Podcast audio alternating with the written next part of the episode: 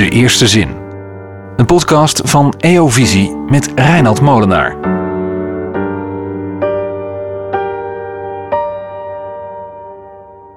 Chanting, zo heet ik al zolang ik mij kan herinneren. Dus jullie mogen mij ook zo noemen.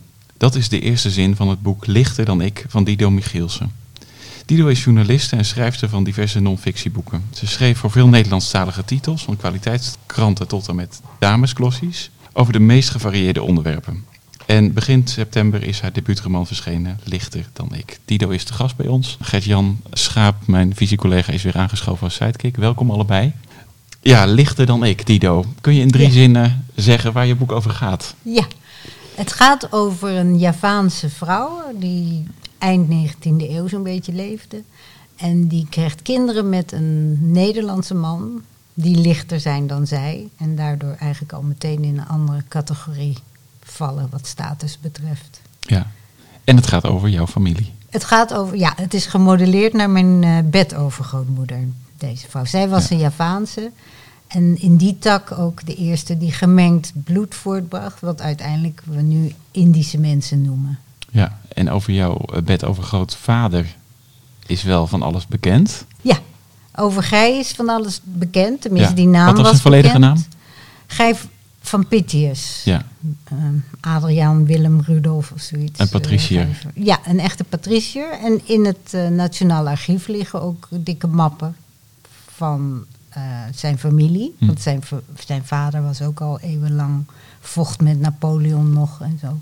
Alleen, er staat natuurlijk nergens dat hij twee dochters heeft gekregen met een Javaanse vrouw.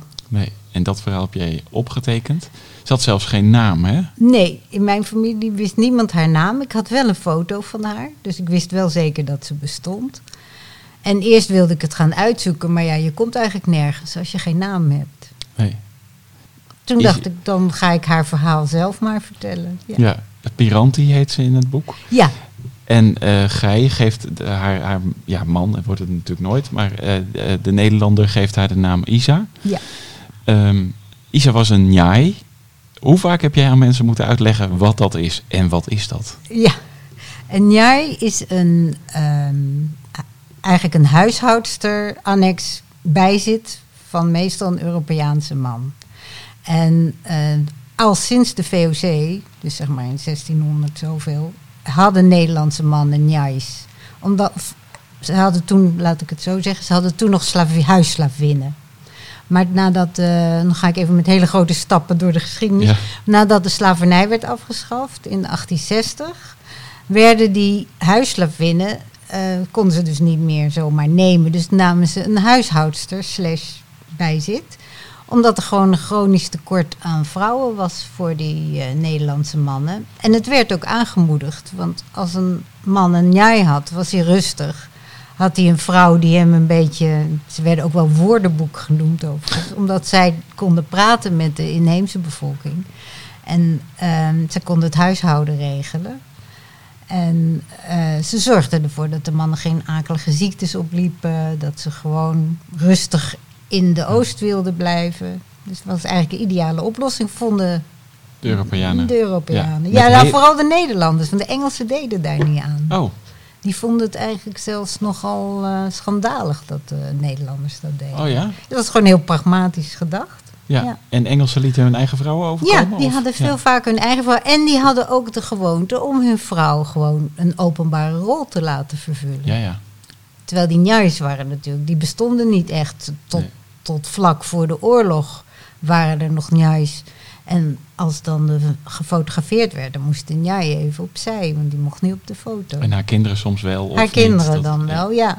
ja. Ja. want de status was dan wel weer heel verschillend van de njai. Hè? De ene had bijna de status van echt echtgenoten van. En Ja. de ander was echt meer de voetveeg. Ja, je mocht eigenlijk al, geloof ik, sinds 1848 trouwen met je njai. Maar dat deed niemand, want het was meer... Het hoefde een- niet. Ja, het was handiger zo. Dan kon je weggaan en je kon er terugsturen, met of zonder kinderen. Ja. Dido, het meeste over Isa moest je verzinnen, omdat er te weinig bekend was. Ja, eigenlijk wel. Hoe is dat proces gegaan? Nou, dat, dat was heel erg leuk, want ik had ehm, heel veel verhalen en foto's en, en ehm, voorwerpen uit Indië om me heen verzameld. Dus mijn hele werkkamer is een soort tijdscapsule. En daar hingen ook de foto's van alle mijn familieleden. En op de een of andere manier stonden ze om me heen terwijl ik aan het schrijven was. En ging dat min of meer vanzelf. Ik dacht, oh, die, die leert dan die kennen en die doet dan dat. En ik was zelf eh, in Indonesië geweest. Had ik met een gids door Yogyakarta gelopen. Die gids begreep het heel goed. Want eerst zouden we naar de bibliotheek gaan uh, in de, van de Kraton.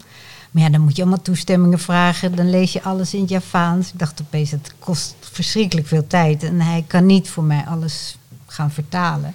Dus zei ik, weet je wat we doen? We gaan gewoon met haar ogen door, dit, door de Kraton en door Jogja lopen. En zien van waar kan ze gewoond hebben, waar heeft ze gespeeld als kind, waar heeft ze, uh, is ze ellendig terechtgekomen. Nou ja, zo, zo is het tot leven gekomen. En was je al eerder daar geweest? Ja, uh, in 92 tijdens mijn huwelijksreis, maar dat was echt zo'n toeristenuitje.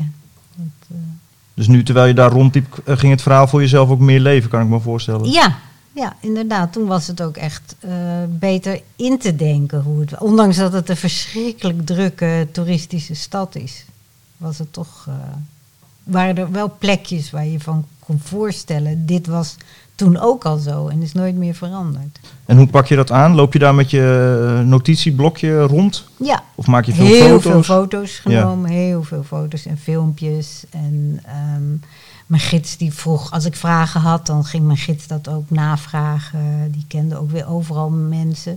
En zijn eigen grootvader had een soort leven gehad als mijn hoofdpersoon. Dus dat was wel, uh, dat kwam toevallig zo goed uit. En is het leven in die kraton nog wel. Kun je er nog iets van terugvinden van die tijd? Of?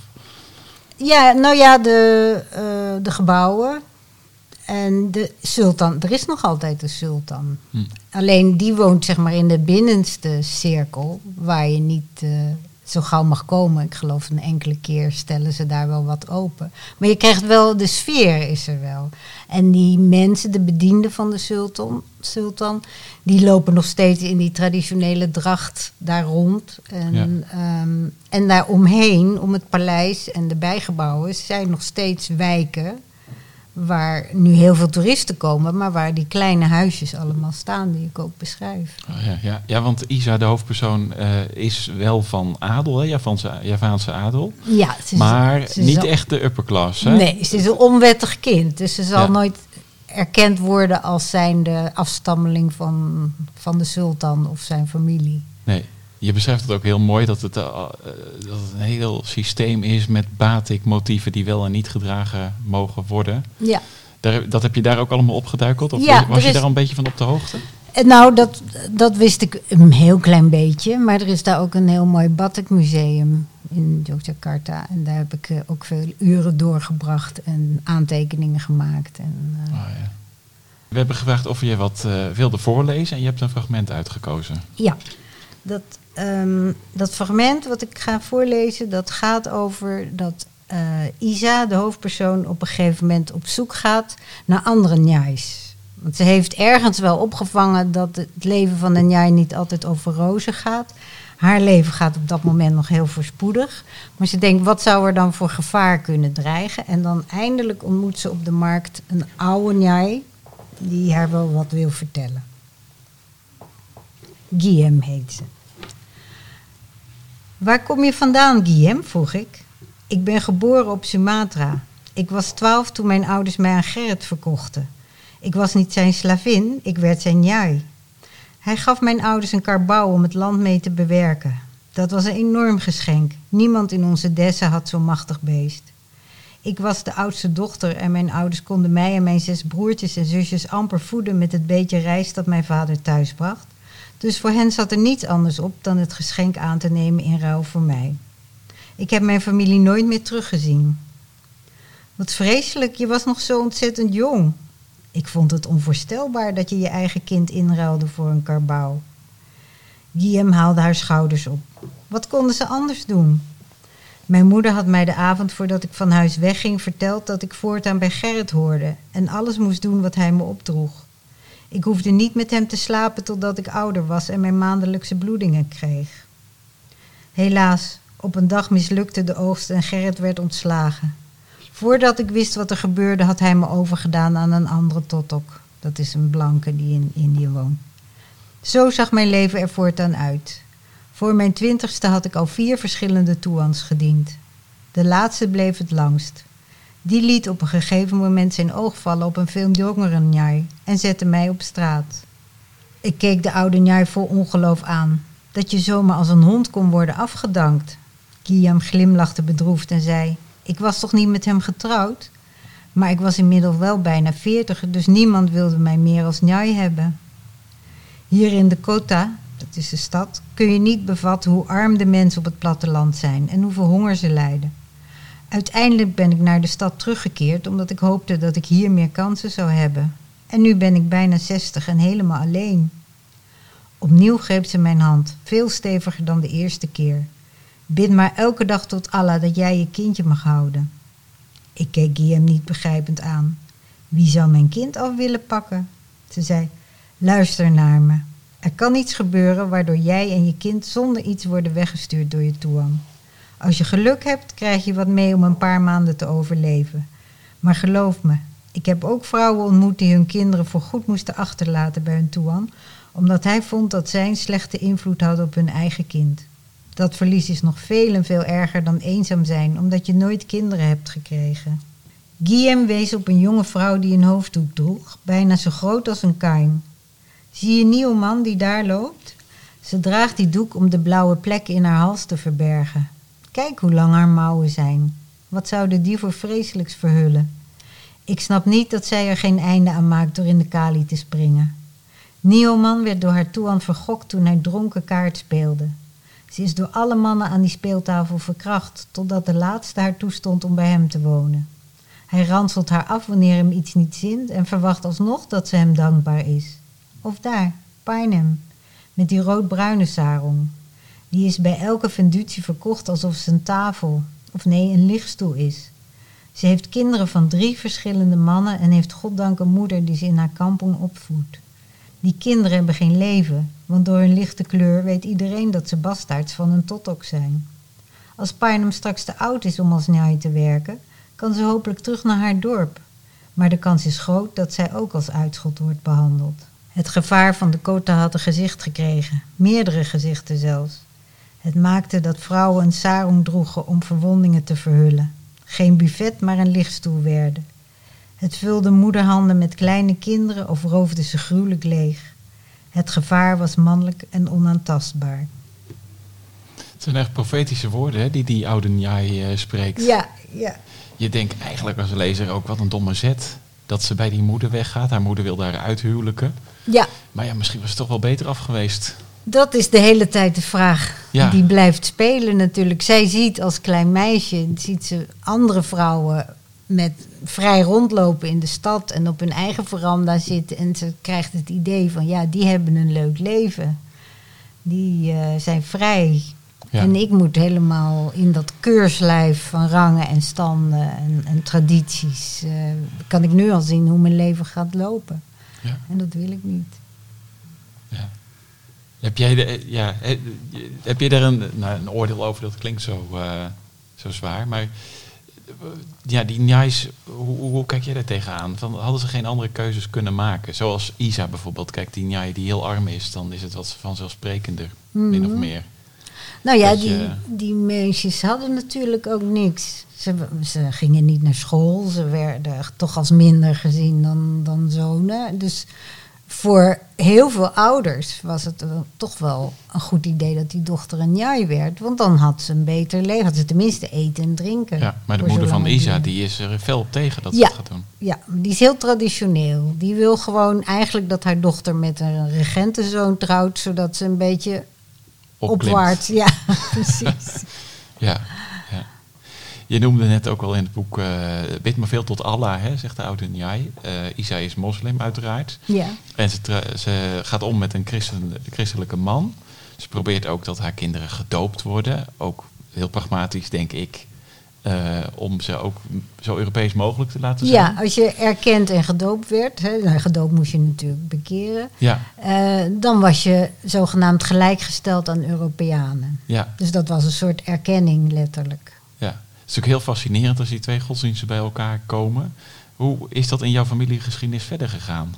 Heb jij nog iets van eh, een van beide godsdiensten meegekregen vanuit huis? Nou ja, ik ben keurig protestants opgevoed, maar eh, misschien al het bijgeloof, wat, Ja? in mijn, wat ook in veel Indische families heerst, is dat nog een soort rest van, van vroeger. Het was natuurlijk heel lang dat het hindoeïsme en eh, islam, dat dat allemaal heel vreedzaam Ja. samenging Het is een en hele gemengd andere islam werd. dan in de Arabische wereld, hè? Ja, ja, totaal Ja. anders.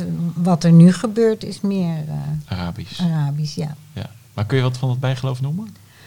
Ehm, nou ja, heel veel dingen mag je niet doen omdat je ouders anders snel zullen sterven. Dat Oh. is natuurlijk zoals je nagels knippen na zonsondergang. Ehm, Dat heb je ook nooit gedaan? Nee, heb ik ook nooit gedaan. Tot op de dag van vandaag? Ja, ja, nu zijn ze dood. Dus Oké. laatst deed ik het en dat voelde echt als, bijna als een verzetsdaad. Hmm. Maar ja, dat is wel zo. Je wordt toch op de een of andere manier raak je gewend om eh, daar rekening mee te houden. Ik zal niet, ik zal niet gauw een paraplu openzetten. Ik noem, Want? Binnen. Niet. ja, want dan laat je de ge- boze geesten binnen. Ehm, als mijn moeder verhuisde, kwam een goede vriend toch langs met een geitenkop of iets die in de tuin werd begraven en werd er vuurwerk afgestoken. En zo. Terwijl mijn moeder was zo, nou, bijna een heiden wat alle andere dingen betreft. Maar dat soort gebruiken, dat bleef toch wel... eh, Maakte jou dat angstig, al die bijgeloof? Nee, want je groeit ermee op. Dus dat is... is eh, vertrouwd. Ja, ja. Ja. Dido, jij hebt al meerdere boeken geschreven, maar dit is jouw eerste historische roman. Of Ja. überhaupt je eerste roman. Wat gaf de doorslag om je tanden hierin te gaan zetten? Nou, ik dacht eerst, ik ga een non-fictieboek schrijven. Ik wil haar toch eh, zichtbaar maken, omdat ze juist zo weggesmoffeld was in de familieverhalen. En ehm, toen kwam ik erachter, als je geen naam weet, dan kom je niet erg ver. Dus, eh, maar intussen was ik wel in die hele, in dat tijdperk een beetje gedoken. Dus van die Njais, van de slavernij, ehm, opening van het Suezkanaal. Er gebeurde ontzettend veel in haar leven. De fotografie kwam, de stoomtreinen, de stoomtrams, elektrische treinen zelfs. Dus het was wel een hele boeiende periode. En Maar- toen dacht ik, nou, dan, ik wou altijd al een roman schrijven. En toen dacht ik, nou, dan eh, is dit mijn kans. Viel het je mee of tegen? Het viel me ontzettend mee. Ja, ik vond het heerlijk om te doen eigenlijk. Waarom? Eh, Omdat je meer vrijheid hebt? ja, de, nou ja, ik genoot er heel erg van om, om, een, om een fantasie te gebruiken. En inderdaad, die dingen die ik heb gezien, om dat in het boek te zetten en met elkaar te verbinden. En eh, ja. Is er wel iets waar je echt mee hebt geworsteld in dit boek? Ehm, nou ja, ieder hoofdstuk Toch wel. was wel iets. maar echt, eh, echt na dat ik dacht, nee, dit moet een heel andere... Wel dat ik op een gegeven moment dacht, nee, dit moet de andere kant uit. En dan, eh, dan is dat logisch. Maar ook, het klinkt een beetje te romantisch bijna, maar de dingen dienden zich ook aan. Ik wist ook heel lang niet hoe het af zou lopen. En, en grote lijnen had ik wel. Maar, eh, want dat was wel een van de redenen wat ik duidelijk wilde maken, was niet alleen schaamden de Europeanen zich voor hun bruine nageslacht en, en, en die vrouwen, maar ook haar familie schaamde zich dood. Dat, eh, dat Het werkt twee kanten op. Ja, ja, het was Hm. niet dat zij nou zo blij waren omdat ze met een blanke man eh er vandoor ging. Je hebt echt iets toegevoegd aan de Indische letterkunde. Hè? Vooral het perspectief vanuit de Njai is denk ik best wel uniek, of niet? Nou, ik heb het niet kunnen vinden. Nee. Zo, nee. nee. nee. Ehm, waar ik nog wel benieuwd naar ben, je, je, noemt een heleboel eh, Indische of Maleise woorden. Hè? Mhm. Eh, op zich is het niet hinderlijk, omdat je ze ook nog kunt opzoeken achterin. Of in de context wordt wel duidelijk wat er ongeveer wordt eh, bedoeld. Dus dat is heel knap gedaan. Maar moest je die woorden zelf allemaal nog opduikelen ergens? Of had je ze wel paraat? De gewoon? meeste wel hoor. Moest ik echt wel opzoeken. Ja, ja. Ja, ja. Ja. Ik ben ehm, alleen met mijn moeder opgev- opgegroeid. En mijn moeders familie was al voor de oorlog ehm, naar Nederland gekomen. Dus ik ben niet eens zo ontzettend Indisch opgevoed. En, Nee. en ik kende wel, ik herkende eigenlijk ook heel veel terwijl ik bezig was Maleise termen. Waarvan ik dacht, oh ja, dat zeiden ze wel eens en zo. Maar het was niet dat ik zelf dat dagelijks Dat gebruikte. is best wel uniek trouwens, dat ze voor de oorlog al naar Nederland kwamen. Ja, ja. Wat was daar de reden van? Ik Vraag denk mijn oma's vooruitziende blik. Mijn moeder was toen bijna, ging naar de middelbare school. Hm. En eh, mijn opa was bouwkundig ingenieur, maar werkloos geworden. En zij dacht, nou dan gaan we voor haar opvoeding naar Nederland. Ze gingen natuurlijk regelmatig al met verlof naar Nederland. Oh ja. En dan gingen mijn opa en oma niet in Den Haag zitten bij de familie, maar dan gingen ze Europa Rond. zien. Ja, dan gingen ze een tijdje in Parijs wonen of in Brussel. Hele, Oh. Ja, het waren hele gewone mensen, maar toch erg eh, cultureel heel erg Ja. geïnteresseerd. En eh, dus is mijn oma, die nogal de broek aan had thuis, eh, die heeft besloten om in Nederland te blijven. Gewoon. En toen wel naar Den Haag. Ja, toen wel Ja. naar Den Haag. Ja. Ja. Waar ik bij het schrijven van je boek nog wel benieuwd naar ben. ehm, was het ook niet ingewikkeld voor jou, omdat je als journalist natuurlijk altijd op zoek bent naar feiten en bronnen, om dat ook ergens los te kunnen laten voor het creatieve proces? Nou, eigenlijk kwam ik erachter dat ik misschien helemaal niet zo'n goede journalist ben. ik vond dit juist veel leuker. Ik heb altijd een beetje hekel gehad aan de werkelijkheid. Dat je, Ja. nou, hè, dan moest je het weer checken. De waarheidsvinding. Oh, Ja, en dan, eh, nou ja, nu heb ik wel gezorgd dat de historische gebeurtenissen kloppen. Ik bedoel, aardbevingen, eh, Ja. alle dingen die buiten haar omgaan. Maar die hebben wel invloed op haar leven. En dat heb ik daar dan bedacht. Ja, dat en daar zat de meeste jeu, denk ik. ja, Ja. ja. dat was het leukste om te doen. Ja. Ben je Indischer geworden door het schrijven van dit Ja, boek? Absoluut. Ja, ja. Kun je dat toelichten? Waar moet ik aan denken? Ehm, nou, ik denk dat ik me veel meer verbonden ben gaan voelen met die familie. En ehm, ja, de, de gebruiken ook. Waar ik achter kwam dat de- die, die cultuur op Java, hoe verfijnd en hoe rijk die is. Dat, dat je daar toch ook een beetje van afstamt.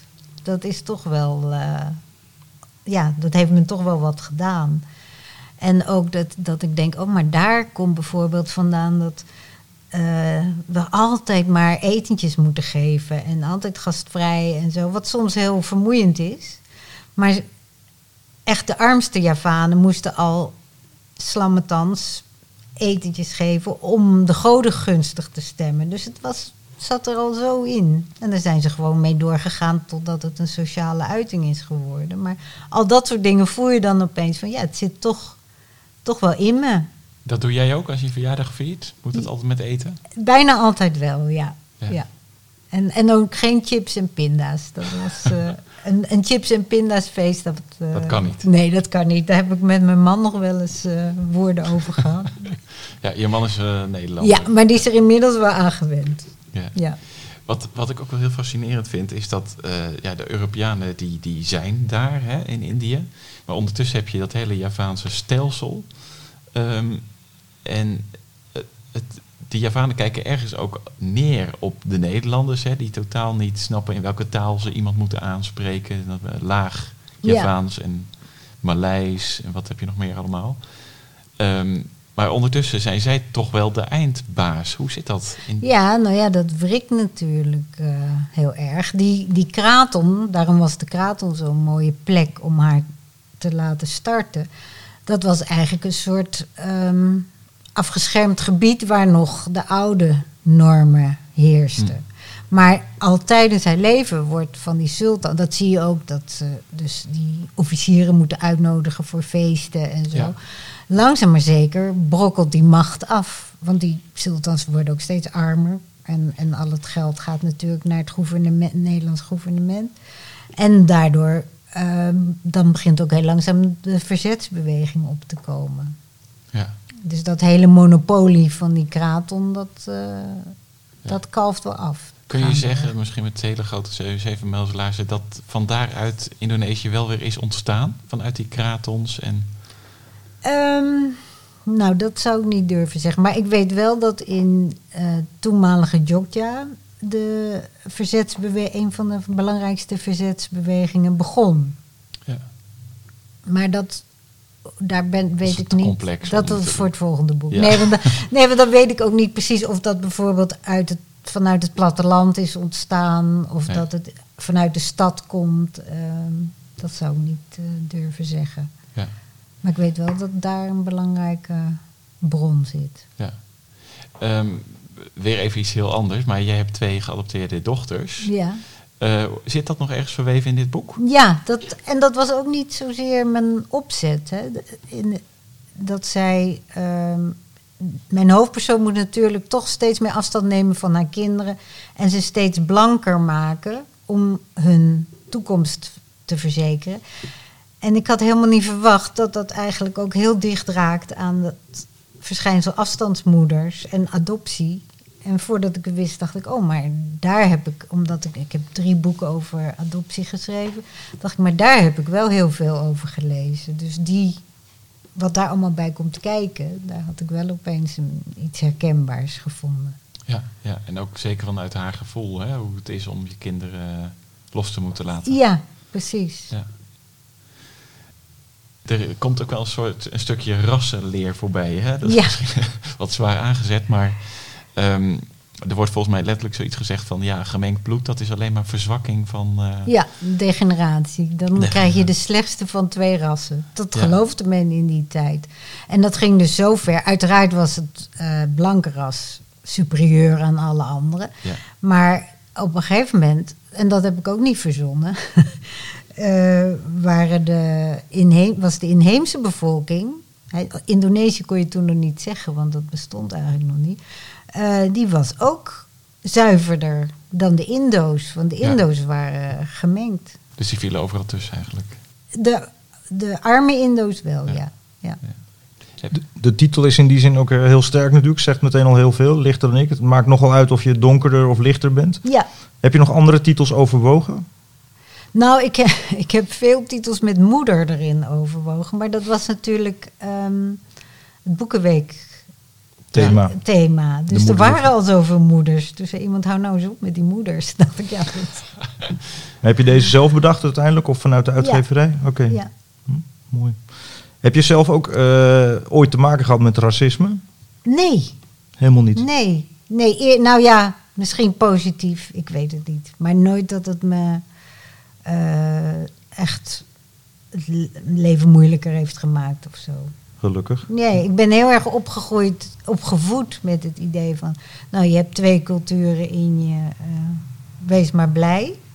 En mijn moeder switchte ook naadloos van de een naar de ander. Dus eh, ik heb het ook nooit als een last gezien. Ik ben er wel, ik snap ook wel dat er nu heel veel derde generatie kinderen daarmee bezig zijn. Mijn vader is wel na, die heeft voor het knil gevochten. Die heeft in een jappenkamp gezeten. eh, tijdens de revolutie heeft hij gevochten tegen de Indonesiërs. Dus ehm, daar denk ik wel vaak aan dat die mensen natuurlijk ehm, ja, een hele andere start in Nederland hebben gehad. Een heel ander verleden. Maar daar heb ik me voor dit boek natuurlijk helemaal niet mee bezig gehouden. En daar werd jij ook niet mee lastig gevallen in jouw jeugd, want dat was natuurlijk allemaal nadien. Ja, ja, en ik vond mijn vader natuurlijk ook een misdadiger, want ik was een pacifist en nou ja, Ja, ja, ja. geen enkel begrip voor die man. Nee. Nee. nee. Hoe kijk je daar nu naar? Nou, de- ehm, ik lees nu wat meer boeken. Ik lees nu over eh, die kampen, over... eh Reggie Bai heeft net een boek geschreven, Kind met de Japanse ogen. En dat was toch een beetje waarvan ik dacht, ja, maar dat is het leven van mijn vader.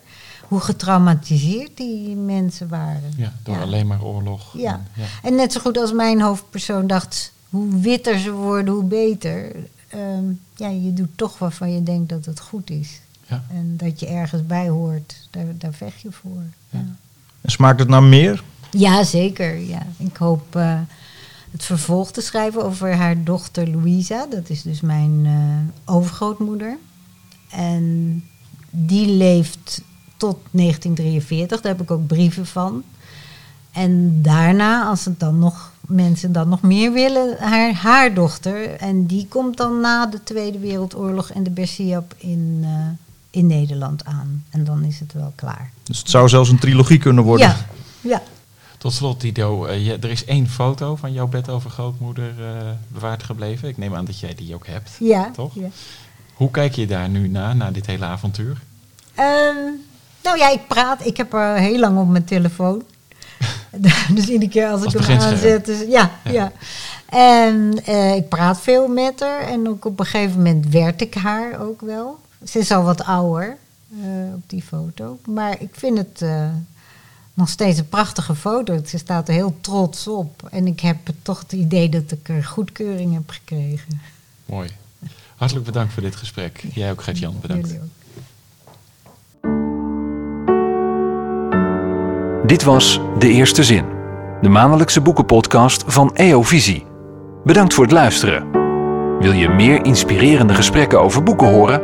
Abonneer je dan op ons kanaal en krijg iedere maand een update.